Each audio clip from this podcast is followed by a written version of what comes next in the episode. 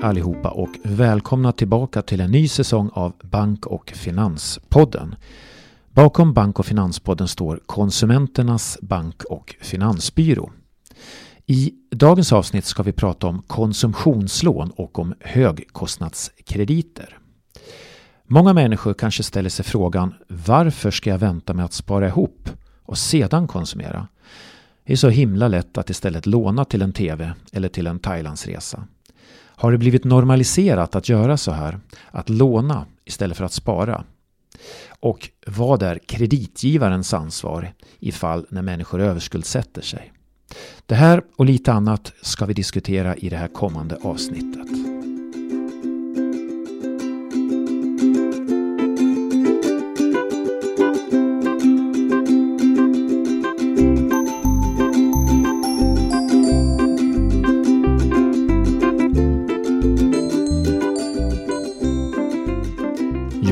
Heter Fredrik Pettersson och med mig i studion idag har jag som vanligt min kollega Eva Lindström. Hej Eva! Hej Fredrik! Vi ska ju prata lite om konsumtionslån och den här nya lagstiftningen kring högkostnadskrediter idag. Men jag tänkte bara kasta ur med några frågeställningar först. Varför tar människor lån? Hur stoppar man det här beteendet? Har aktörerna, kreditgivarna, något ansvar? Vad säger du om det Eva? Eh, ja, eh, sista frågan i alla fall, så visst har ju kreditgivarna ansvar enligt lagen. Det ska vi prata lite om i alla fall. Ja, under den sista tiden som jag haft rådgivning så har jag faktiskt haft några stycken samtal från det har varit mammor då som har ringt för sina söners räkningar och de här pojkarna har gått på gymnasiet. De har ju då bara studiemedel och det är dryga tusen kronor i månaden. Och den ena sonen han hade fått låna 15 000 kronor, var en klädkredit.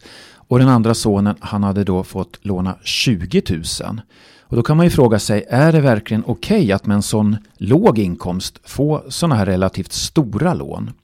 Sen finns det ju andra konsumenter som ja, de blir nekade att låna pengar för att renovera hus. Och det här kanske är ett obelånat hus. Och det har vi ju pratat om tidigare i vår podd om bolån. Ja, visst är det konstigt. Eh, för egentligen är det ju så att det är samma regler för alla slags lån och krediter. Men visst är det en viss skillnad på stora lån om man tar för att bygga om ett hus till exempel eller om man ska låna lite pengar, några tusen, för att köpa någonting. Eh, men dessutom är det ju så att man kanske lånar ut ibland till personer som faktiskt inte borde få lån och tvärtom. Sen tänker jag bara på den här reklamen. Vi översköljs av reklam för krediter och sen har vi spelreklamen. Det kan ju vara en 7, 8, 9, 10 olika spelreklamer i en enda, ett enda avbrott. Så fort vi köper någonting så får vi erbjudandet om att betala sen. Och för mig verkar det nästan som att det har blivit något accepterat, nästan någonting positivt att låna. Man till exempel lånar för att åka till Thailand och så. Ja, precis. Varför vänta när man kan åka imorgon? Mm. Och när jag satt och tittade nu på nätet så hittade jag en sida där det fanns 35 länkar till snabblåneföretag. Inte blankolån, för i den här blankolåns eh, uppställningen som fanns, det var det en del aktörer som jag kände igen. Men många av de här 35, de var för mig helt okända. Några har jag då kanske fått frågor om i rådgivningen. Men jag, jag klickade på de här annonserna, då kom jag fram till en. Då stod det så här, du är bara ett klick från att kunna köpa det du drömmer om. En annan länk då stod det händelserik månad, skarva med ett litet lån. Och många av de här hade hur mycket vill du låna? Och där kanske det borde vara hur mycket kan du låna eller hur mycket får du låna? Mm. Och någon skrev vi skapar möjligheter för dig i vardagen. Ja, jättebra exempel och jag har också tittat mig omkring lite nu och exempelvis eh, en långivare skriver så här om vad, vad, man ska låna till. Ja, ibland kan man behöva, ha, behöva pengar till något, något som inte är förutsett. Om något oförutsett inträffar. Om bilen går sönder, om det blir dyrare än beräknat hos tandläkaren. Eller kanske under semestern. Och det är ju typiskt sånt som vi brukar säga att det är bra att ha en buffert till. Att man sparar till en buffert. Ja, och det hade vi väl en diskussion om bufferten i vårt eh, poddavsnitt om spar, sparande, buffertsparande. Ja, visst hade vi det. Och sen eh, såg jag en annan eh, reklam eh, igår, var det faktiskt, för en låneförmedlare som skriver så här. Du jagar hundralappar när du ska köpa eltandborste. Varför inte spara tusenlappar när du tecknar lån? Ja, första man... frågan är ju då, spara i samband med lån är ju ja, jättekonstigt för mig. Ja, det kan vara vilseledande eller sånt. Det här har ju Konsumentverket lite olika, att de tittar på sånt, ja. om det är felaktig marknadsföring. Men sen har det ju blivit så enkelt att låna idag. Man, man kan låna när man står där i butiken. Man hör ju talas om folk som lånar i mobilen när de sitter på restaurangen eller att man, man gör det här framför datorn. Och förr då behövde man gå in till banken. Man behövde skriva under papper och då var det lite omständiga. Nu går det så himla fort. Och en av de här annonserna, då stod det ju så här. Låna upp till 500 000 kronor. Svar inom en minut.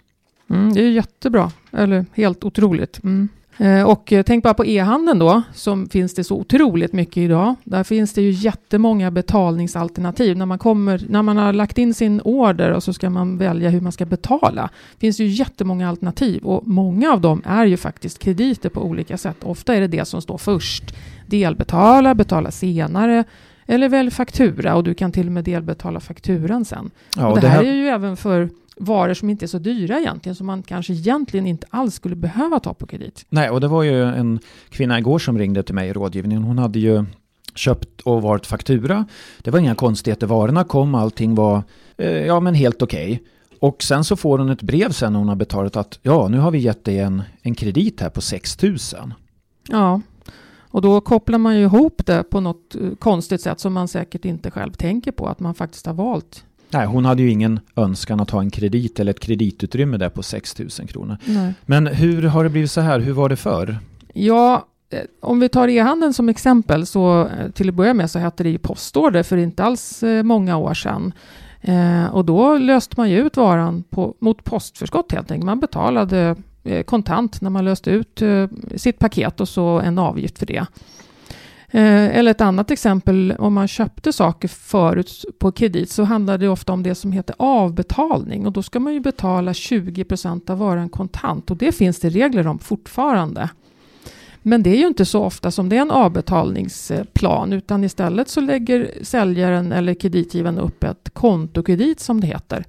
Till exempel jag köpte en ny telefon för något halvår sedan och då tog jag den i och för sig på delbetalning. Eh, och då trodde jag först att men då får jag väl betala 20% kontant. Men då lägger de upp ett kreditutrymme istället. Och då behöver man inte betala någon kontantinsats 20% för det är undantaget nämligen i reglerna. Så man rundar eh, tanken med det där kontantkravet? Ja, I praktiken gör man ju det. Alltså, avbetalning finns ju på vissa områden, till exempel om du köper en bil eller en husvagn eller något sånt, då kan det vara avbetalning. Mm, mm. Men inte för annat. Eh, men sen andra exempel som är lite farliga som vi hör i rådgivning det är ju sådana som köper på, på räntefritt. Det verkar ju ganska bra. Man kan dela upp betalningen, det kostar ingenting extra. Mm. Men det här förutsätter ju då att man, man betalar enligt planen. För gör man inte det så blir det mycket dyrare. Eh, man kanske köper en hemelektronik och då står det så att börja betala om ett halvår. Och alla de här krediter, att man skjuter upp betalningen, det bygger på att man ja, antingen väljer man det av en anledning eller så har man inte råd idag. Och då kommer jag in på en, en tanke, en föreläsarkollega till mig. Han är sparekonom på en av de allra största bankerna. Han har ett råd som bygger på vad hans mormor sa. Och det var så här, spara först och köp sen. Ja, och så ser det ju verkligen inte ut idag. Utan det är ju det här att det är jättelockande att köpa först, betala sen. Varför ska jag vänta? Andra har ju de här sakerna. Jag vill åka på resan eller jag vill ha den här jackan. Eller vad det nu kan vara för någonting. Så att varför ska jag spara först? Det är bara tråkigt. Sen får vi ju många frågor om krediter överhuvudtaget här till byrån i vår rådgivning. En del de har problem att betala, krediten är dyr. Och hur kan man egentligen få en kredit utan någon riktig inkomst? Ja, jag tänker på de här pojkarna som bara har studiestödet på dryga tusenlappen. Andra de frågar för sina vuxna barns räkning. Ja, en del av dem de går in och betalar räkningarna för att sonen eller dottern ska slippa hamna hos Kronofogden. Och, och då bara skjuter man ju egentligen upp problemet att barnen de konsumerar ju mer än vad man egentligen har förmåga att handla. Ja, ja visst är det så. Och det är ju jättesvårt att få stopp på det här för att eh, det, det, man är ju vuxen och myndig och kan ta krediter. Man pratar inte med kreditgivaren överhuvudtaget någonsin ens i telefon utan man bara klickar på datorn eller mobilen. Mm. Eh, och vi får ju frågor ibland om man kan inte lägga in någon spärr då mot att få krediter i fortsättningen och det finns ingen sån möjlighet. Man kan inte spärra sig förebyggande. I så fall måste man prata med eller meddela olika kreditgivare att ge inte kredit till mig. Men det är ju en omständlig väg. Ja, och då skulle man ju kunna meddela om att man egentligen vill ha krediten tillbaka igen. Så att det är ju inget, det skulle i så fall vara att man hade någon sorts karens. Att la man in en spärr så skulle den spärren gälla under ett halvår. Ja, men det, så ser det inte ut. Den, den möjligheten finns helt enkelt inte. Nej, och i inledningen så sa jag att vi skulle prata om konsumtionslån bland annat idag. Och vad, hur karaktäriserar vi ett konsumtionslån, Eva? På sätt och vis kan man väl säga att vi, vi kallar allt, allt för konsumtionslån som inte är bolån. Men exempelvis är det ju det vi kallar blankolån. Man lånar en summa pengar helt enkelt till någonting. Eh, eller ett billån är också ett sorts konsumtionskredit ju. Olika typer i kredit, av krediter som man tar i butiker som vi pratade om eller på e-handel. Kreditkort är ju ett sorts eh, konsumtionslån eller konsumtionskredit och så har vi ju hela den här stora eh, massan med snabblån som du var inne lite på förut. Jättemycket långivare som lånar ut små belopp men till höga avgifter och mm. räntor. Och den marknaden har ju vuxit väldigt, väldigt mycket. Just snabblånebiten. Det finns ju så oerhört många företag just nu. Men vad kännetecknar ett konsumtionslån? Ja, på sätt och vis är det ju en massa olika typer av lån. Eh, och jag brukar säga ibland att den här marknaden för konsumtionslån är ju spretig. Det består ju av jättemycket olika långivare. Det är ju dels de stora bankerna förstås och sen andra mindre långivare och eh, ytterst då de här snabblåneföretagen och sen kreditkortsföretag och liknande. Så finns det jättemycket variationer här. Eh, en grej som jag tycker kännetecknar konsumtionslån är att räntor och avgifter kan variera jättemycket. Du kan se räntor på upp till 25 procent. Det, det, är vanligt. Kreditkort med 25 procent ränta är vanligt. Eh, sen kan ju räntan ibland vara individuell, alltså den sätts efter den som lånar pengarna. Om du tar ett bolån så är det ju ändå ofta samma utgångsränta.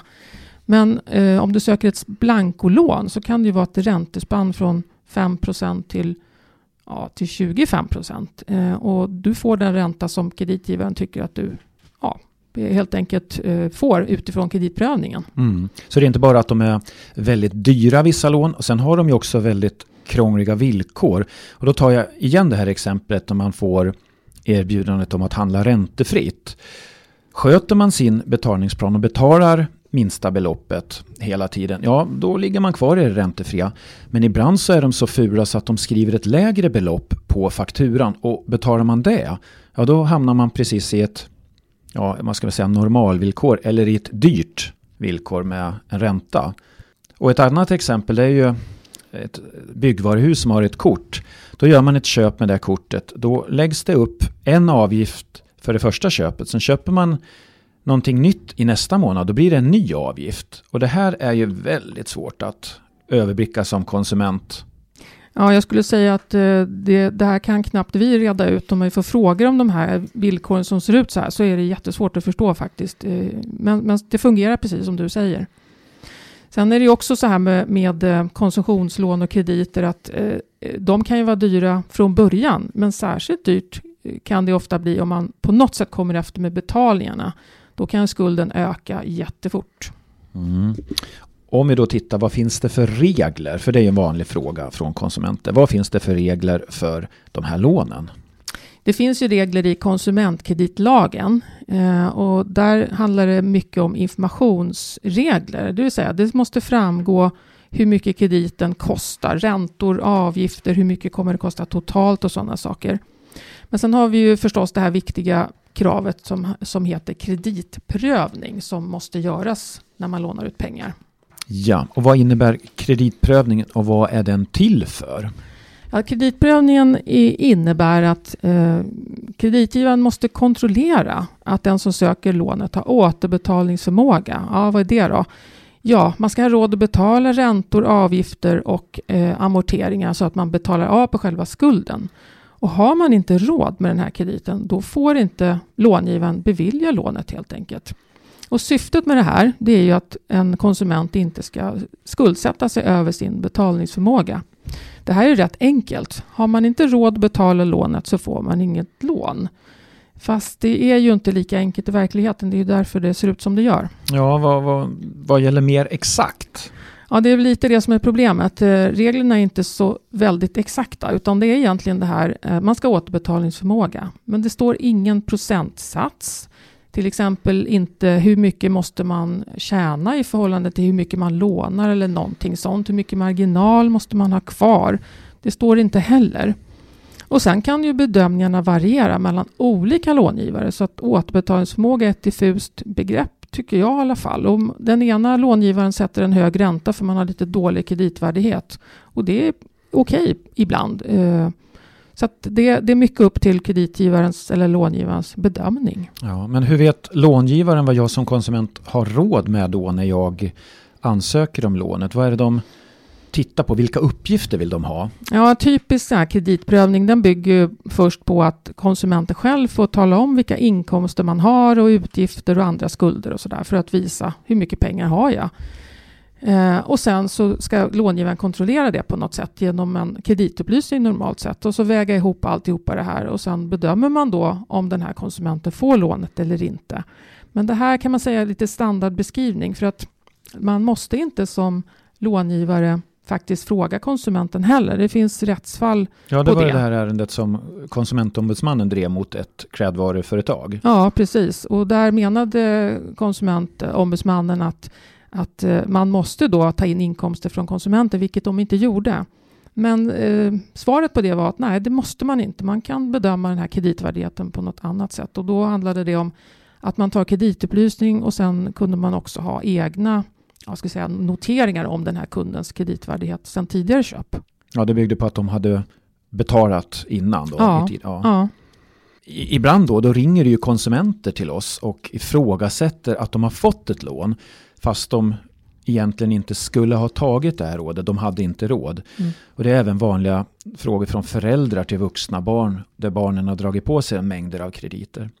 Om vi säger nu att det skulle ha varit en bristande kreditprövning från långivarens sida. Har man någon möjlighet att få, få lånet nå, nerskrivet eller att man kanske kan slippa betala? Det finns ingen sån rättighet i, i lagen. Det är ju konsumentkreditlagen. Eh, långivaren måste ju göra en kreditprövning, men om den är dålig så eh, ham, hamnar inte ansvaret hos långivaren utan hos konsumenten. Man ansvarar själv. I undantagsfall brukar man säga så kan man skriva ner ett lån eller jämka pratar man om då.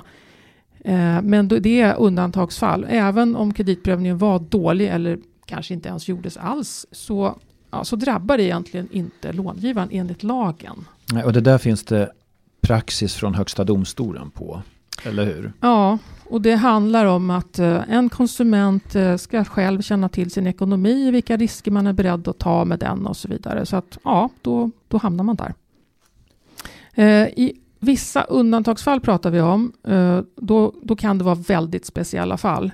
Eh, men det, det är väldigt sällan. Jag, jag, tog med ett exempel. Jag tänkte jag kan eh, nämna ett exempel på hur pass eh, strikt man kan säga att det här är. Ja. Det här var ett ärende som eh, prövades i Allmänna reklamationsnämnden för ett par år sedan. Eh, och det var då en ung kille, 20 år tror jag, som eh, pluggade på folkhögskola. Han hade bara studiestöd, studiemedel och studielån. Han sökte, han hade fått mass, flera krediter eh, och eh, då hade han själv skrivit i sin kreditansökan att han hade en inkomst på ungefär 160 000. Eh, kreditupplysningen visade noll kronor. Och problemet var ju då att han fick det här lånet bland annat.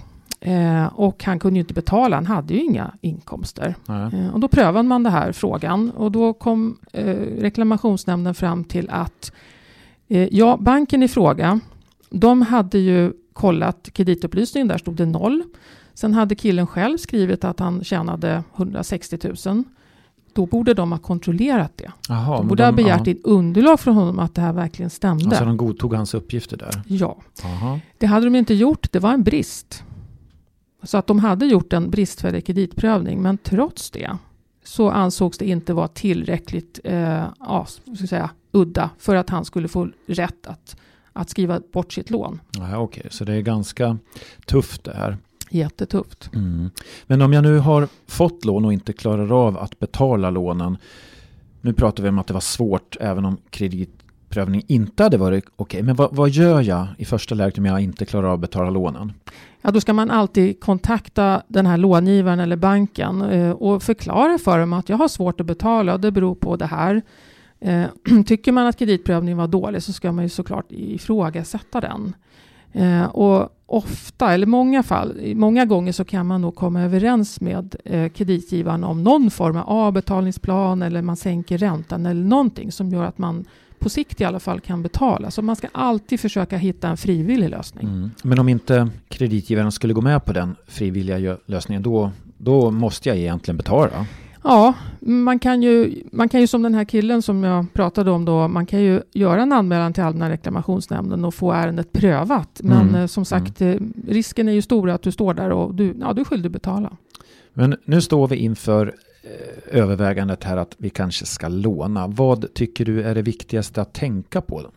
Det allra viktigaste rådet, det är ju faktiskt, behöver du låna egentligen? Måste du verkligen låna nu? Måste du köpa den här saken nu? kan du kanske spara först. Ja, och där kommer vi in på den här sparekonomens råd egentligen. Att man sparar och sen köper man. Nu har det blivit så väldigt, väldigt vanligt att man bara man handlar och drar på sig det här. Men det kan ju låta lite präktigt att ja, jag ska spara först. Men om jag nu ändå kommer fram till att jag, jag måste låna, jag behöver en moped säger vi, för jag måste komma till jobbet. Det finns ingen möjlighet att åka kommunalt för mig. Vad ska jag tänka på? Eh, då ska du se till att förstå villkoren för lånet. Eh, titta på avgifter, räntor, hur mycket kommer det kosta totalt? Alltså titta på eh, lånevillkoren och, och vad de kommer kosta. Jämför olika lån om, de, om, om det går.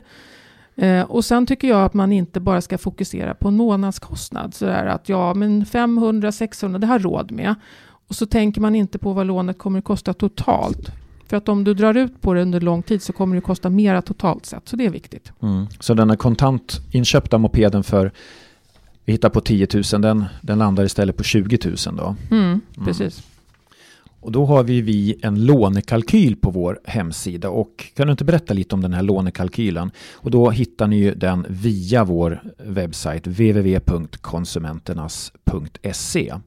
Ja, just det. Och den är ju till just för att man ska kunna se exakt hur mycket kommer ett, ett lån att kosta. Eh, då lägger man in hur mycket man ska låna, eh, vad räntan är, om det finns några avgifter och hur lång tid man ska betala.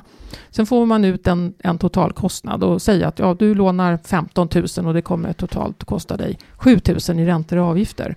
Men du kan också se ett, eh, en lista med precis vad lånet kostar varje månad och hur mycket skulden sjunker när du betalar av. Och det är bra information. Mm, och det är väldigt tydligt för att en fråga som jag tycker inte är helt ovanlig det är att någon säger så här oj nu har jag betalat 20 000 på mitt lån.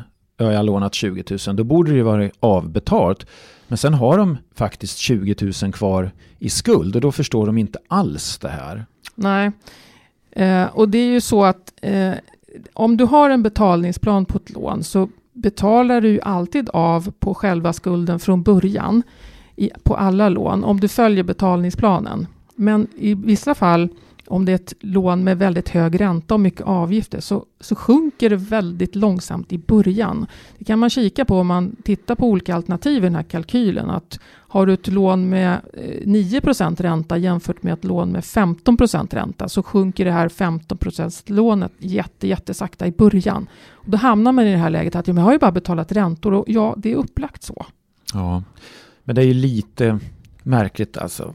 Men om man nu tittar på vad är det viktigaste att försöka förstå då när man ska jämföra krediterna? Vad tycker du?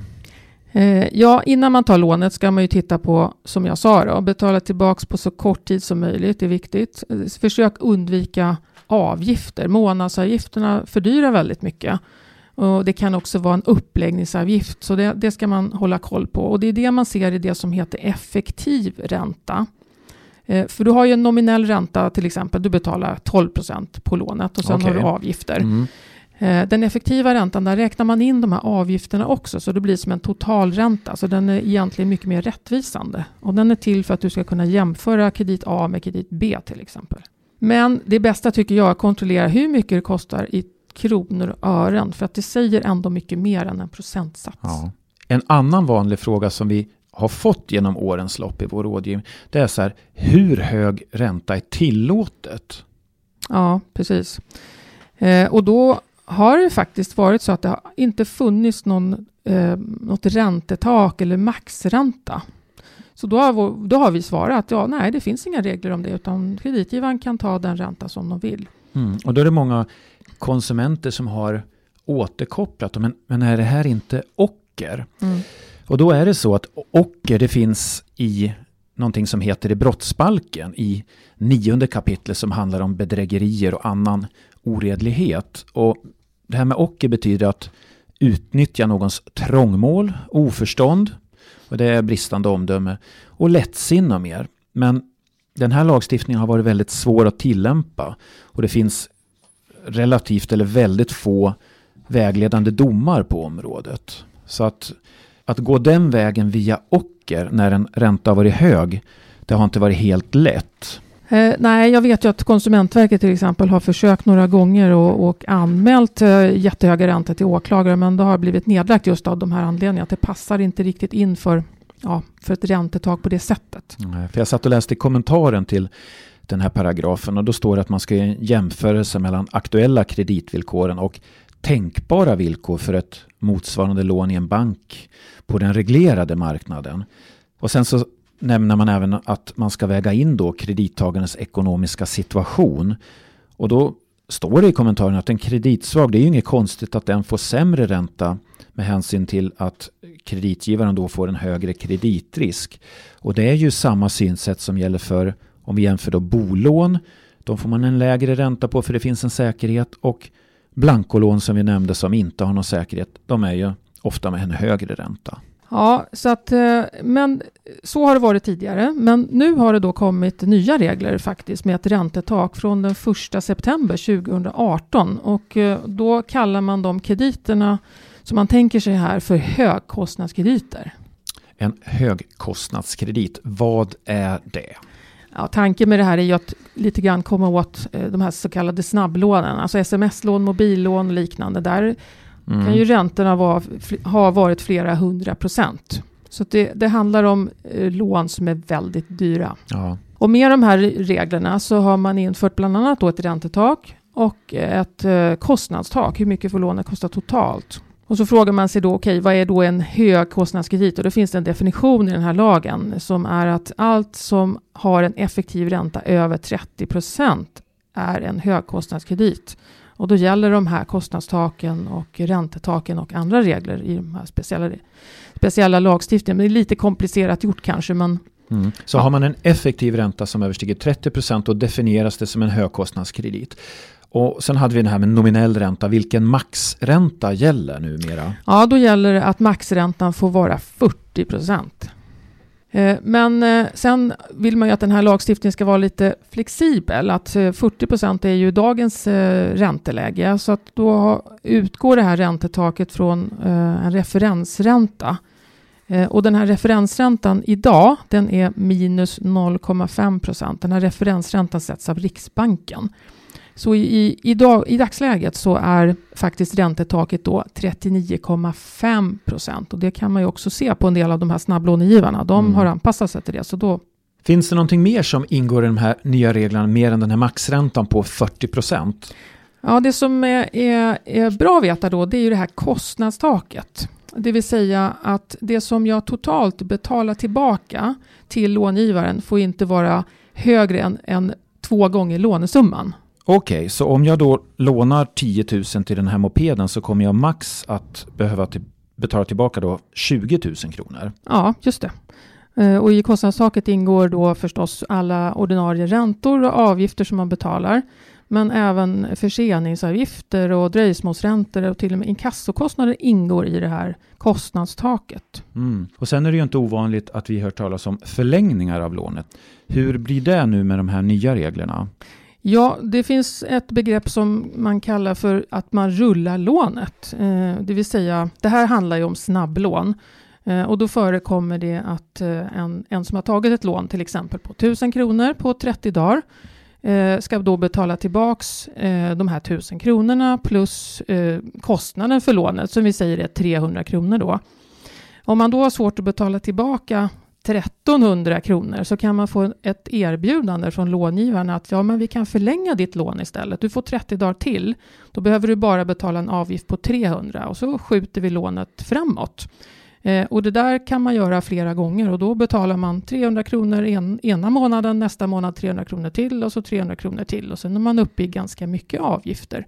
Och det här eh, finns då ett förbud mot, mot det här typen av att man rullar det framför sig. Så att nu får man bara förlänga ett sånt här lån en gång mot en avgift. Okej, men om man skulle förlänga då utan en avgift, hur skulle det vara tillåtet? Det är tillåtet. Mm, Okej. Men om en konsument nu upptäcker att ett lån man har fått borde omfattas av de här reglerna om högkostnadskrediter. Vi säger att kostnaden kommer att bli mer än en dubbla. Vad, vad är det som händer då? I så fall så kan jag ju säga då att jag, nu behöver inte jag betala något mer. Nu är det ja, nått upp till kostnadstaket. Så man skulle alltså kunna säga stopp då? Ja, det, ska, det här ska ju långivaren såklart hålla reda på, men som konsument kan du säga stopp då, ja. Mm. Men de här nya reglerna, de kom alltså i höstas den 1 september 2018. Lån som man sedan tidigare hade, omfattas de också? Nej, det gör de inte, utan det är bara om du har tagit ditt lån 1 september eller senare. Okej. Och då tror jag vi har kommit fram till en summering av dagens eh, ämnen om konsumtionslån och högkostnadskrediter. Och då ställer jag igen den här frågan till dig Eva. Vad är det viktigaste att tänka på om man nu står i den här situationen att köpa en moped på kredit eller åka till Thailand på, ja att man lånar till det? Ja, det viktigaste är ju faktiskt att fundera på, måste jag verkligen låna till det här? Kan jag vänta med att köpa mopeden kanske? Eh, kan jag vänta med resan eh, och spara ihop istället först? Det är det absolut viktigaste. Mm. Och Så lite, lite moraliska aspekter där Ja, då, det kanske. man kan säga. Ja. Ja, nästa punkt då? Nästa punkt är ju då att eh, okej, okay, du, ska, du ska låna, du behöver låna och det är ju inte fel att låna i sig. Eh, men då ska du kolla in hur villkoren ser ut. Sätt dig in i villkoren och vad kommer det här lånet totalt att kosta? Mm. Och för att se den här totala kostnaden då hade vi vår lånekalkyl på vår hemsida www.konsumenternas.se. Och vad är det viktigaste att titta i den för att förstå den? Jag tycker man ska titta på uppgiften om vad lånet kommer kosta totalt i kronor och ören när, det, ja, när du har betalat alltihopa. Och det står, det ser du tydligt i kalkylen. Så titta på den totala kostnaden där mm. så att det inte blir en moped som kostar 25 eller 30 eller 40 000 i slutändan då. Nej, precis. Har du någonting mer att säga? Jag funderade lite på de här frågorna som du ställde i början här Fredrik. Så ja, vad var det nu för frågor? frågor. Ja, varför, varför lånar man? Eh, och hur ska man stoppa ett eh, alltför vidlyftigt beteende, eh, om vi kallar det så då? Ja. Jag, vet inte om vi, jag tror inte vi har svarat på det, och det är svåra frågor, men det här med varför man lånar, det, det är ju ganska klart att det, det är ju ett annat eh, samhälle idag med krediter överallt. Jag såg ytterligare ett sånt här exempel på från en, en sån uppstickarbank. Så skriver de så här, få först, betala sen. Mm. Det ser ju ut så här hela vägen. Ja, och det är klart ja. att det är väl inte så lätt att stå emot det där. Nej, men ett annat samhällsklimat. Man, det är enkelt att Eh, ja, man lånar istället för att spara som jag sagt. Ja. Vad hade jag mer för fråga? Ja, sen frågade du hur ska man stoppa beteendet? Ja, hårdare regler är ju en variant. Mm. Nu har man ju mm. skärpt reglerna och då handlar det om att kanske följa reglerna också. Men eh, visst är det ju så att man eh, som konsument har det här egna ansvaret. Det är så det är uppbyggt. Och fundera lite mer då kanske på Går det, går det möjligtvis att spara först eller bet och betala eh, sen helt ja, enkelt. Och sen min sista fråga, det var väl ändå, hade inte aktörerna något ansvar och vad sa vi om det? Jo men det har de ju. De, de får ju inte låna ut eh, om man inte har återbetalningsförmåga och det är väl ganska klart att det händer ju ibland. Mm. Men det var ju lite tveksamt i det där ARN-avgörandet du gick igenom ändå tycker jag. Ja, det, det visar ju att eh, eh som kreditgivare så kan man egentligen bryta mot eh, kreditprövningsreglerna Eh, och ansvaret faller ändå tillbaka på konsumenten. Men eh, en, en synpunkt här är ju att eh, jag vet att från myndighetshåll så har man i alla fall sagt att har man bara studiemedel så har man egentligen inget betalningsutrymme för något lån. Men då tror jag faktiskt att vi är klara med det här avsnittet om konsumtionslån och högkostnadskrediter. Och då får jag tacka dig för idag Eva. Tack själv Fredrik. Och ni som har lyssnat på återhörande. Hej då! Hej då!